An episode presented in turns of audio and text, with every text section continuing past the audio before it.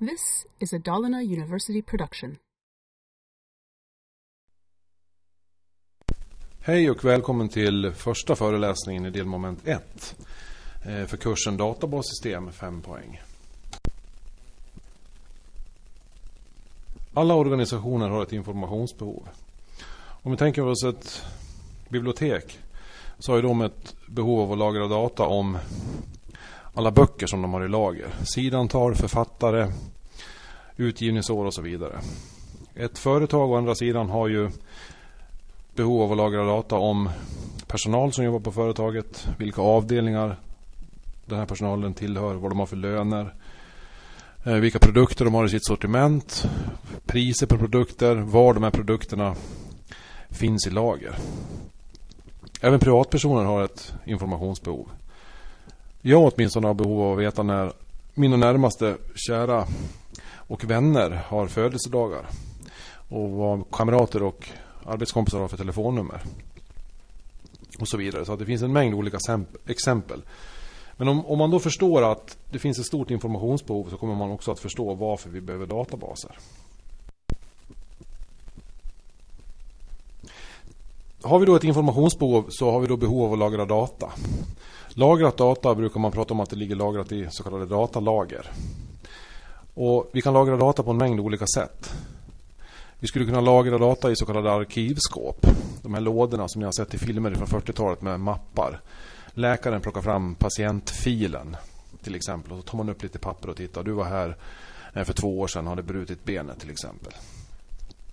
Eller om vi hoppar fram några årtionden så kan vi ju tänka oss ett eh, så kallat spreadsheet eller en Excel-fil där vi kan lagra data om eh, vår personliga eh, budget, telefonregister eller dylikt. Och sen har vi då det som kallas för databaser. Och databaser är då det bästa sättet att lagra data. Eftersom datat där blir bestående över tid. Och på senare tid har även då XML-begreppet kommit upp. XML-filer skulle vi också kunna ha som ett datalager. Men om vi då tittar lite grann efter tiden med de här eh, arkivskåpen. Eh, så började man då ha på 60-talet ett behov av att lagra data med hjälp av så kallade enkla filsystem.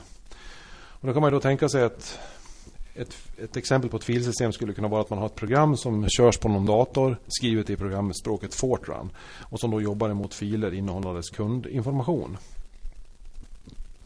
Medan ett annat program skrivet i COBOL jobbar mot filer som innehåller personalinformation. Och listan kan göras lång där, men vi har då varje program i de här filsystemen bearbetar sina egna datafiler. Vilket då medför att vi kommer att få en, ett problem här som vi kan sammanfatta som en hög nivå utav beroende mellan de här programmen och de filer som de opererar emot. Och har jag till exempel då Microsoft Word eh, en del av Office-installationen version 2006, den absolut senaste versionen. Och så sparar jag ner ett, en fil med .doc som filändelse. Så kommer det ju inte gå att eh, öppna den filen i Office-paketet ifrån 1996 eftersom den då inte känner igen de nya moderna förändringarna som version 2005 har gjort. Så då kan man säga då att de här senaste filerna är då beroende av att man har den senaste installationen av program. Eftersom man då har gjort förändringar i den här filstrukturen. Till exempel nu att datat ligger lagrat i XML-filer istället för att ligga i Word-filer direkt.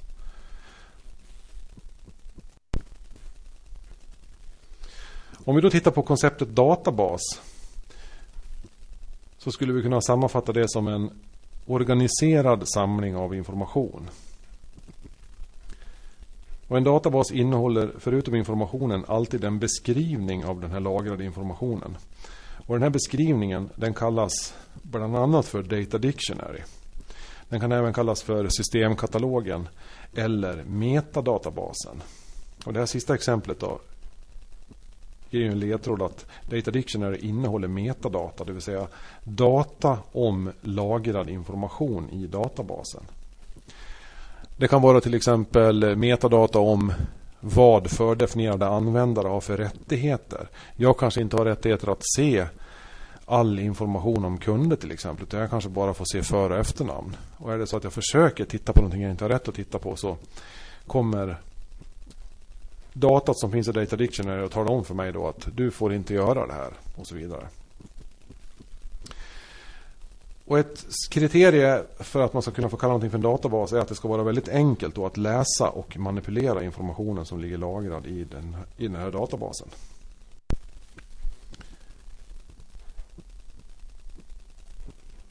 För att vi ska kunna hantera och komma åt och läsa data i databasen, det vill säga läsa i de här datafilerna, så måste vi ha ett system som hjälper oss att hantera datat som ligger i databasen. Och det här systemet då består då av mjukvara som jobbar emot de här filerna, det vill säga själva databashanteringssystemet. Och databashanteringssystem det är vad det heter på, på svenska. Men i böckerna som ni kommer att läsa kommer det att stå DBMS. Och det är en förkortning av Database Management Systems. Och det blir ju databashanteringssystem om man översätter det till engelska. Och DBMS då är ett system som lagra, modifiera och hämta data i basen åt oss. Så att vi kommunicerar med DBMS som sköter eh, läsning och skrivning och förändring i de här datafilerna olika termer som används. Ibland i vissa läroböcker så kan det stå ORDBMS, RDBMS och DBMS. Och om vi tittar på till exempel ORDBMS så det är en förkortning av Object Oriented Relational Database Management Systems.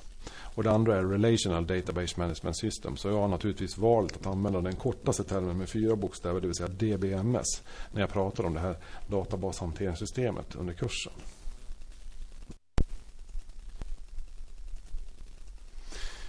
Vi kan i historien urskilja fyra olika huvudtyper av databaser. Vi har så kallade hierarkiska databaser, nätverksdatabaser, relationsdatabaser och lite senare mot 2000-talet och framåt objektorienterade relationsdatabaser. Den här kursen kommer bara att behandla relationsdatabaskonceptet. Före 1970 användes hierarkiska och nätverksstrukturer för informationslagring. Dessa modeller var beroende av strukturen på datat och på det sätt informationen var sammanlänkad i hierarkiska eller nätverksmodeller.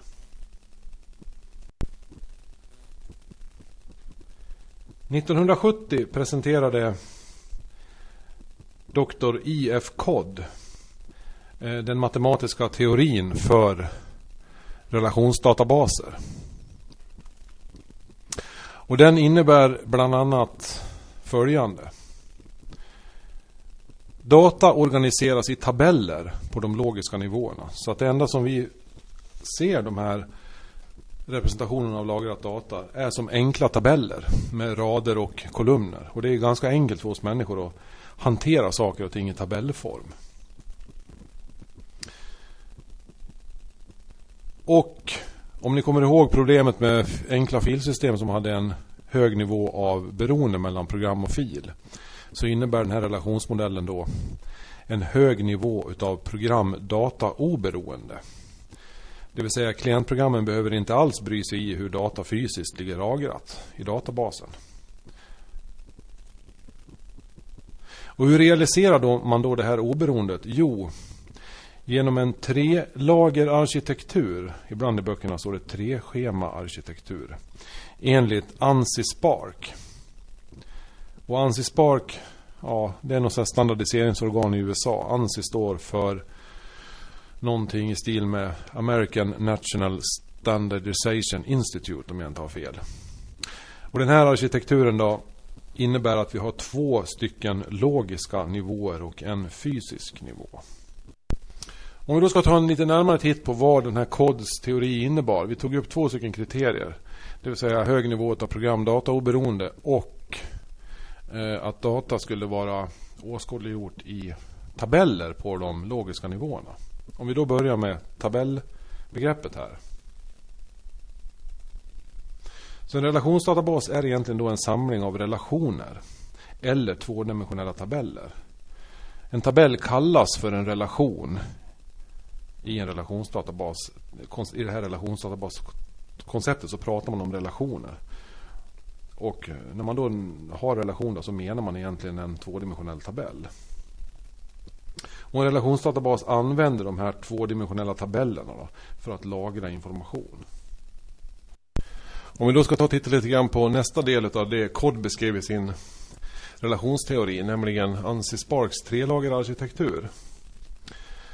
Så kan vi vara överens om att någonstans så har vi rådata ligger. Eh, till exempel på en hårddisk.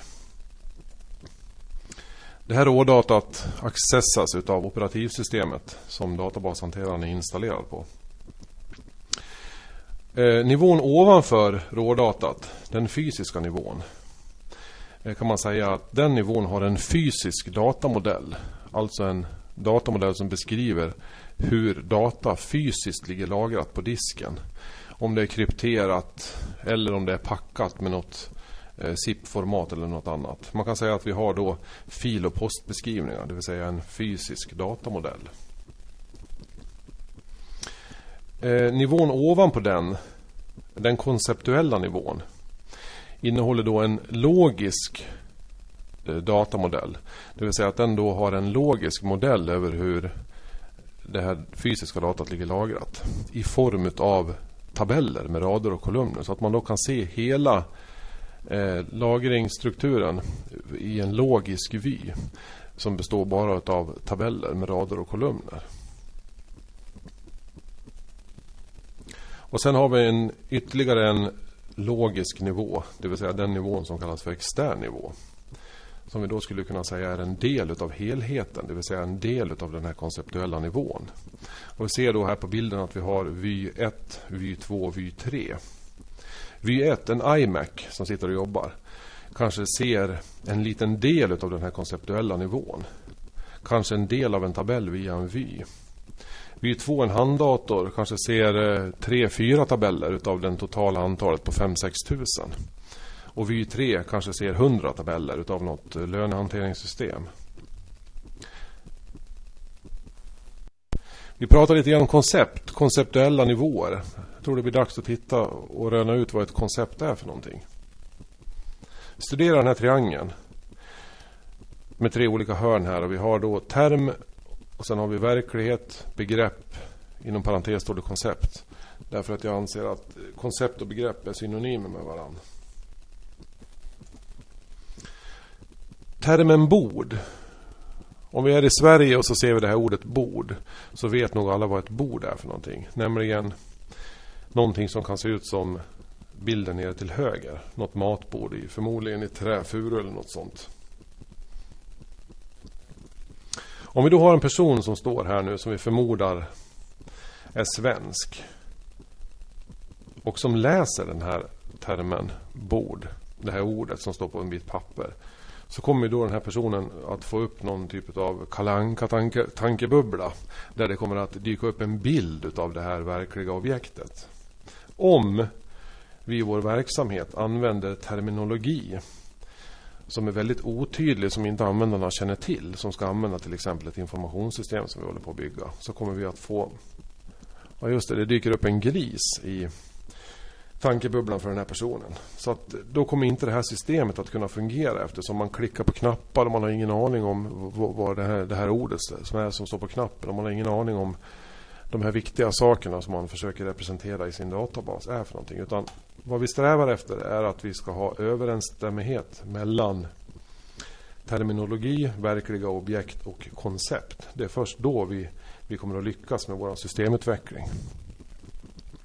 Så att vi skulle kunna sammanfatta koncept då som någon typ av tankebild eller en logisk vy av verkligheten. Och när vi pratar om logiska vyer så stämmer det överens med vad den konceptuella va nivån var i Ansis, Ansis Spark-arkitekturen. I en databaskurs är det väl också på plats att vi försöker oss på en definition mellan eh, begreppen data och information. Jag ska försöka åskådliggöra det här med ett eh, relativt tydligt exempel. Tänk er klassen bil, det vill säga vi har en ritning, en design över en bilklass. Och sen så skapar vi ett fysiskt bilobjekt utifrån den här klassen, det vill säga vi anropar klassens konstruktormetod. Och då har vi helt plötsligt ett bilobjekt, fysiskt bilobjekt med fyra hjul som, som står och är möjligt att sätta sig i och åka i. Om vi då tänker oss att det här bilobjektet skiljer sig från andra bilobjekt genom att vi har en unik identifierare, det vill säga ett identifierande attribut, regnummer ABC123. Och att vi har ytterligare ett attribut på den här bilen, nämligen ett attribut färg som har fått attributvärdet röd. Med den här bakgrunden då så kan vi försöka oss på någon typ av eh, definition mellan, av skillnaden mellan data och information. Jag anser att data är enbart textsträngen röd. Vi vet inte om vi pratar om röda tomater eller om vi pratar om partitillhörighet eller om vi pratar om livsfarliga ormar som har röda fläckar när vi befinner oss på barfota promenad i Amazonas djungler. Utan det, det, säger oss ingenting mer än att mer än eh, bokstäverna RÖD i rätt ordning. Information får vi om vi kan koppla det här den här textsträngen att vi ser att den tillhör en egenskap färg och att färgen då får värdet röd. Samt att det här attributvärdet röd sammankopplas med ett objekt som existerar. Först då har vi information. Vi ska ta och titta lite grann på vad SQL är för någonting, eller SQL som det heter på engelska. SQL är en förkortning av Structured Query Language. Och vi kan säga det att SQL är ett standardiserat sätt som vi kan kommunicera med relationsdatabaser på. Man kan jämföra med att för några år sedan eh, var det ju på tapeten att man skulle ta fram ett världsspråk som hette esperanto. Nu vart det ju inte så. Men det vore bra om alla människor kunde prata ett språk och förstå varandra i hela världen. Då. Men det lyckades inte. Men med SQL har man då lyckats med en standard att kommunicera med relationsdatabaser.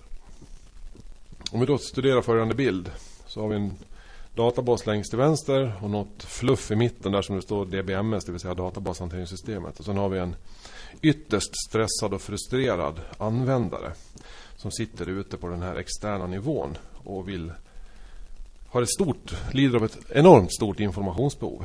Förmodligen har han lågt blodsocker och vill beställa någonting från Pizza Express eller något annat. Så vad han gör då är att han formulerar en SQL-sats. Förmodligen någonting i stil med select telefonnummer ifrån pizzaleverantör Ware-namn är lika med Pizza Express. Och så vill han då ha tillbaka telefonnumret som man kan ringa. Databashanteringssystemet tar emot den här SQL-frågan och förhoppningsvis så har han använt rätt syntax, syntax och har rätt att söka tabellen så att han inte får något kompileringsfel. Om allting är okej okay då så går databashanteringssystemet ner i de här nivåerna och tillsammans med operativsystemet hämtar upp data ifrån datafilerna som ligger lagrade på disken. Och sen skicka tillbaka resultatet till den här personen då, som snart nu kommer att få sin pizza här. Så databasen då kan vi säga består av olika filer. Pratar vi då Oracle så det vill säga den databasen vi använder under kursen så kommer vi att komma i kontakt med datafiler och något som heter kontrollfiler och read och logfiler. Och alla de filtyperna ligger då lagrade på hårddisken. Databashanteringssystemet DBMS är mjukvara. Eh, till exempel Oracle då, som är installerat. Då, som via SQL tillhandahåller åtkomst till filerna i databasen. Och Oracles version består av olika minnesarier och bakgrundsprocesser. Och i Oracles arkitektur kallas databashanteringssystemet för The Oracle Instance. Det är inte nödvändigt för den här kursen att vi går in i detalj och tittar på arkitekturen av den här Oracle-instansen. Men det kan ju vara kul att känna till lite grann mer än att se ett, ett moln av fluff på bilderna. Utan vi går in här och försöker oss på och studera lite grann hur den här instansen är uppbyggd. Någonstans så har vi då en eh, dator.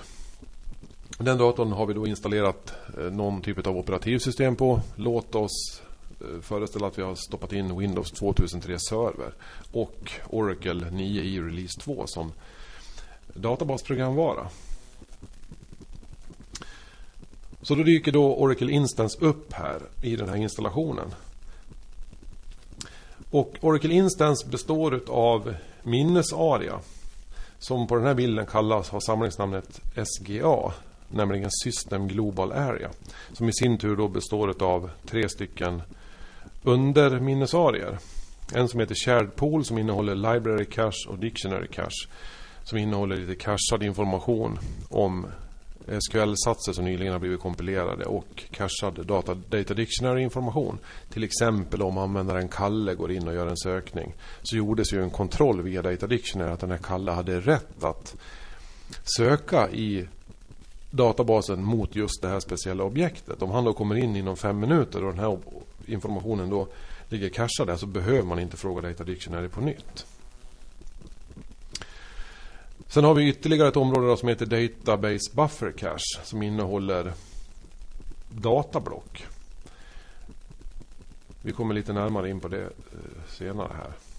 Och slutligen då ett utrymme som heter Reader Log Buffer. Nämligen när vi har läst upp datablock som vi har förändrat, uppdaterat data i databasen så kommer kopior av det uppdaterade att hamna där och sen skrivas till långfiler. Förutom de här minnesutrymmena då, så har vi bakgrundsprocesser eller som det i Windows-världen kallas för tasks. Man kan se bakgrundsprocesser som arbetare som har ett arbete att utföra. Och sitter ni på en dator med en Windows-installation så skulle ni kunna testa nu att ta en liten paus och trycka Ctrl Alt Delete. Då får ni upp ett fönster med lite flikar. Och då har ni en flik som det står Tasks på. Och då ser ni det att det dyker upp en mängd olika bakgrundsprocesser.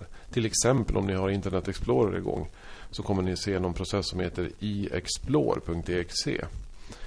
Och det är den processen då som gör att ni kan faktiskt utföra arbetet av att ni kan surfa och ladda hem webbsidor och titta på. Eller så har ni en annan process som heter eh, någonting med Norton Antivirus som ser till att jobbar med att kontrollera huruvida mail innehåller infekterade virusfiler eller något annat. Så att man kan se då processer som arbetare som har eh, uppgifter att sköta. Vi behöver inte gå in på vad de här olika processerna gör för någonting för det skulle vara att gå för djupt in i den här kursen. Men förutom den här instansen då, så har vi då en massa filer som ligger lagrade på disk. Och Oracle har datafiler där allt data ligger lagrat. Till exempel all personalinformation, all kundinformation och så vidare. Och sen finns det även något som kallas för kontrollfiler. Kontrollfiler håller reda på allting i databasen. Var allting finns lagrat. Var datafilerna ligger någonstans. Om de ligger på någon annan fysisk maskin och på vilken hårddiskpartition de ligger och en massa andra olika saker. Man kan jämföra kontrollfilerna i en Oracle-databas med registret på en Windows-maskin. Så tappar man bort kontrollfilen då har man ingen databas kvar överhuvudtaget. Och Sen har vi någonting annat då, att vi måste minst ha en grupp av readolog-filer. Grupp 1A och grupp 1B för att det här ska fungera. Eftersom de här readolog-filerna sitter och spelar in alla transaktioner som görs. Så att om man nu får ett strömavbrott i databasen så kan man då starta om den här databasen och läsa de här readerlog-filerna och återställa databasen i ett konsistent tillstånd. Och här ser vi då ett exempel på att den här processen DBVR, Database Writer, faktiskt utför ett visst arbete. Nämligen att den hämtar data ifrån datafilen och läser upp de här datablocken i Database Buffer Cache. Det skulle kunna till exempel vara en användare som har ställt en fråga att plocka fram alla CD-skivor med artisten Jimi Hendrix. Och då kommer alla datafiler som innehåller information om CD-skivor som Jimi Hendrix har spelat in att läsas upp i Database Buffer Cache och ligga där. Och sen kommer de då att skickas tillbaka ut till den här personen så att han får se resultatet av det här. Om då eh, en annan person kommer in två minuter senare och ställer exakt samma fråga så då kommer de här datablocken att ligga kvar i minnesutrymmet, det vill säga i primärminnet. Och då kan det då cashas och skickas tillbaka till användare nummer två extremt fort eftersom det går mycket fortare då att läsa ifrån ett minnesutrymme än om man ska göra en diskaccess. Om vi sammanfattar då så är ju Oracle Instansen det är det som vi kallar för databashanteringssystemet. De här filerna som ligger på disken det är det som i bilderna förklaras med, med förkortningen DB, databasen. Databasen innehåller data, det vill säga filerna på disk. Så då tror jag vi har rätt ut det där lite grann. Om vi då har en klient här nu som startar upp ett klientprogram och vill koppla upp sig mot databasen, till exempel SQL Plus eller Oracles SQL Developer och får igång det här programmet så kommer det då att starta upp en användarprocess på den här klienten. Och klienten då kommunicerar med sin egen användarprocess. Har man då loggat in mot databasen och man har klarat av och fått inloggningen okejad, det vill säga att man har rätt att logga in om man har slagit lätt användarnamn och lösenord så kommer det att generera en serverprocess hos den här servern. Serverprocessen kommer då att kommunicera med den här Oracle-instansen under hela den här sessionens längd. Det vill säga vi har en användarprocess kommunicerar i en unik session med en serverprocess. Och den här unika sessionen den har en särskilt sessions-id. Om den här användaren nu startar upp en till instans av sitt SQL-program och kopplar upp sig ytterligare en gång så kommer det här att generera ytterligare en användarprocess hos klienten. Det vill säga har man två instanser igång utav sin klientprogram så har man två användarprocesser och då har man två stycken serverprocesser. Och det som skiljer de här två åt är att de ligger i olika sessioner. Och det kan då vara bra att veta att man då har olika sessioner. Eftersom det är viktigt att förstå det när vi kommer att börja prata om transaktionshantering sen. Användarprocessen kommunicerar med serverprocessen genom att skicka SQL-kommandon, det vill säga det standardiserade sättet att kommunicera med relationsdatabaser. Serverprocessen skickar tillbaka resultat till den här användarprocessen. Resultatet skulle till exempel kunna vara alla CD-skivor med Jimi Hendrix som någon har skickat in en fråga. Eller, det är inte alltid säkert att man får ett resultat tillbaka. Till exempel om den här användaren nu ska, eh, är en databasadministratör som skapar upp objekt med hjälp av DDL så kommer man inte att få ett resultat tillbaka utan att då kommer det att bildas en ny, ett nytt tabellobjekt i databasen. Alltid när man börjar en ny kurs så dyker man på massvis med nya begrepp. Och det kan kännas lite jobbigt då att man ska försöka reda ut alla de här begreppen. Men så fort man har fått begreppen på plats så börjar saker och ting bli roligt och så börjar det gå lätt. Vi ska titta på vad det är för skillnad mellan någonting som kallas för databassystem och en databas. Ibland så har man ju även då termen informationssystem. Men om vi ska koncentrera oss och titta, försöka definiera databassystem. Så att någonstans har vi en databasserver, det vill säga vi har en databas som står. Och en person då, eller flera personer som är ansvariga för den här databasen. Och det brukar vara någonting som förkortas DBA, eller databasadministratör. En person som är ansvarig för drift och underhåll utav den här databasen. Och sen finns det då utvecklare eller programmerare. Eh, om man nu eh, ska göra till exempel ett biljettbokningssystem. Eller om man vill göra en pokersida på internet som man ska tjäna grova pengar på. Så skulle man kunna kalla de här sakerna för e-tjänster. Att när man utvecklar e-tjänster så måste vi ha programmerare som kan programmera den här databasen för att vi ska kunna tillhandahålla viss funktionalitet. Har man en biljettbokningssystem då, så vill man kanske kunna söka efter resor, lämpliga resor och, och, och beställa de här resorna och kanske välja sitt plats på planet. Har man ett, eh, en pokersida så kanske man vill eh, kunna vara med och flytta över pengar från in, sin internetbank och kanske satsa några hundra när man tycker att man har ett bra läge här. Så att de här personerna då kommer då att sitta och programmera den här databasservern med eh, PLSQL om vi har en Oracle-maskin och använda SQL och bygga upp sina strukturer.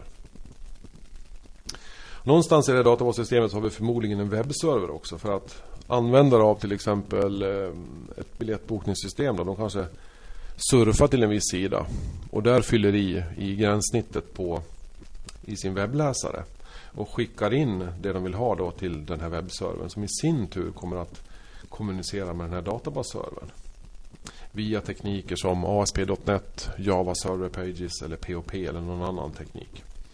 Och då har vi då naturligtvis programmerare som har olika roller för att kunna vara med och bygga den här e-tjänsten. Som inte bara programmerar databasen utan även då bygger upp och programmerar den här webbapplikationen som är nödvändig som ju är skalet utåt som användaren kommer att se. Och för att skydda alltihopa så har vi förmodligen också en brandvägg. Så att man kan inte komma åt den här webbservern som kund utan att gå via den här brandväggen. Och slutligen då viktigt att vi då har kunder som vill använda vår e-tjänst. Två av de här kunderna kanske sitter och spelar poker på arbetstid via vår pokersida. Och den tredje är ingen kund utan en fantastiskt dyr och otroligt kunnig eh, person då, som hjälper den här DBA med att kanske från USA för 2000 kronor i timmen och logga in direkt via en motorväg rakt i databasen och eh, titta lite grann på optimering och ändra lite index och sånt där så att man kanske då fördubblar prestandan efter att han har suttit och jobbat några timmar. Så att man ser då att när man pratar om databassystem så har vi då både hårdvara i form av maskiner som är databasservrar och webbservrar. Sen har vi då människor också. Och människorna då, det kan ju vara både utvecklare då, som sitter och programmerar och sköter om det här systemet. Och någon som är databasadministratör som är ansvarig för systemet. Och sen har vi då användare, slutanvändare utav den här produkten.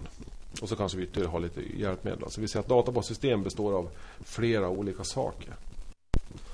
Om vi då ska sammanfatta det vi hittills har pratat om, innebörd i tre punkter om vi tänker oss utvecklingen från 60-talets filsystem med den här höga nivån av beroende mellan program och fil. Så kommer vi fram till första punkten, centraliserad filhantering. Vi låter inte längre varje program hantera sina egna filer utan vi låter ett databashanteringssystem hantera alla våra filer. Vi har nått en hög nivå av programdata oberoende genom Ansis trelagerarkitektur. Och slutligen har vi utfört något som kallas för systemintegration. Det är att vi tar alla de här olika filerna kundfiler, personalfiler som tidigare hanterades av egna program och stoppar in allihopa, alla datafilerna på ett ställe, nämligen i databasen och så låter vi dem hanteras av databashanteringssystemet. Då. Så att det är egentligen det vi har uppnått då. och det är tack vare kan man säga den här KODS relationsteori. Nu har vi kommit till den sista sliden här i delmoment 1, föreläsning 1. Och då ska vi ta och titta lite grann på SQL-språket lite grann mer. Det kommer betydligt mer i senare delar av kursen. Då. SQL-språket består av fem stycken olika delar, lite grann beroende på vad det är man vill göra för någonting. Första delen Data Retrieval Language. Det hörs nästan på namnet. Att man kanske hämtar data från databasen för att man vill läsa. Och då har vi olika reserverade ord i SQL-språket. Till Data Retrieval Language är det reserverade ordet Select kopplat. Det vill säga vi använder det när vi vill läsa data i databasen. Del 2, någonting som kallas för DML, Data Manipulation Language. Vi vill förändra data som ligger lagrat i tabeller. Tre stycken ord som hör till den biten. Insert, Update och Delete. Insert, ja då stoppar vi in data i tabellen som inte redan finns där. Exempel, jag ringer till Clas Olsson och vill beställa till exempel ett elelement fyllt med olja. Och så frågar de om mina kunduppgifter. Nej men du är inte kund här tidigare. Nej, då kommer de att göra insert, int och kund. Och så kommer de att stoppa in värdet. Mitt personnummer, Per Dohan och så att jag bor i Bålänge. Vad jag har för telefonnummer, mobilnummer och så vidare. Sen när jag har fått min kundinformation inlagd. Då kan jag göra min beställning. Ringer dit vid ett senare tillfälle så kanske de gör en kontroll att när de ser att jag finns i databasen och att de ser att jag har ändrat mobilnummer. Och då går de in och uppdaterar just mitt mobilnummer på min personpost och då använder man kommandot update. Ringer jag dit och skäller ut dem och säger att jag hatar deras butik och inte vill ha deras patetiska reklam i min postlåda och kräver att de ska ta bort mig i sitt kundregister. Ja, då får de använda kommandot delete och så då försvinner jag deras kundtabell. Nummer tre, någonting som kallas för DDL. Data Definition Language. Att är en språkdel som jag använder när jag vill skapa upp min databas. Det vill säga att jag vill tillverka mina tabeller. Jag vill tillverka index, jag vill tillverka användare. Jag vill tillverka lagrade procedurer, funktioner, triggrar. Det vill säga att jag vill skapa de här objekten. Jag vill skapa upp min databas, definiera upp min databas helt enkelt. Med create så kan jag skapa tabeller, objekt. Med alter så kan jag förändra objektstrukturer. Och med drop så kan jag kasta bort befintliga objektstrukturer som finns i databasen. Del 4, DCL, Data Control Language.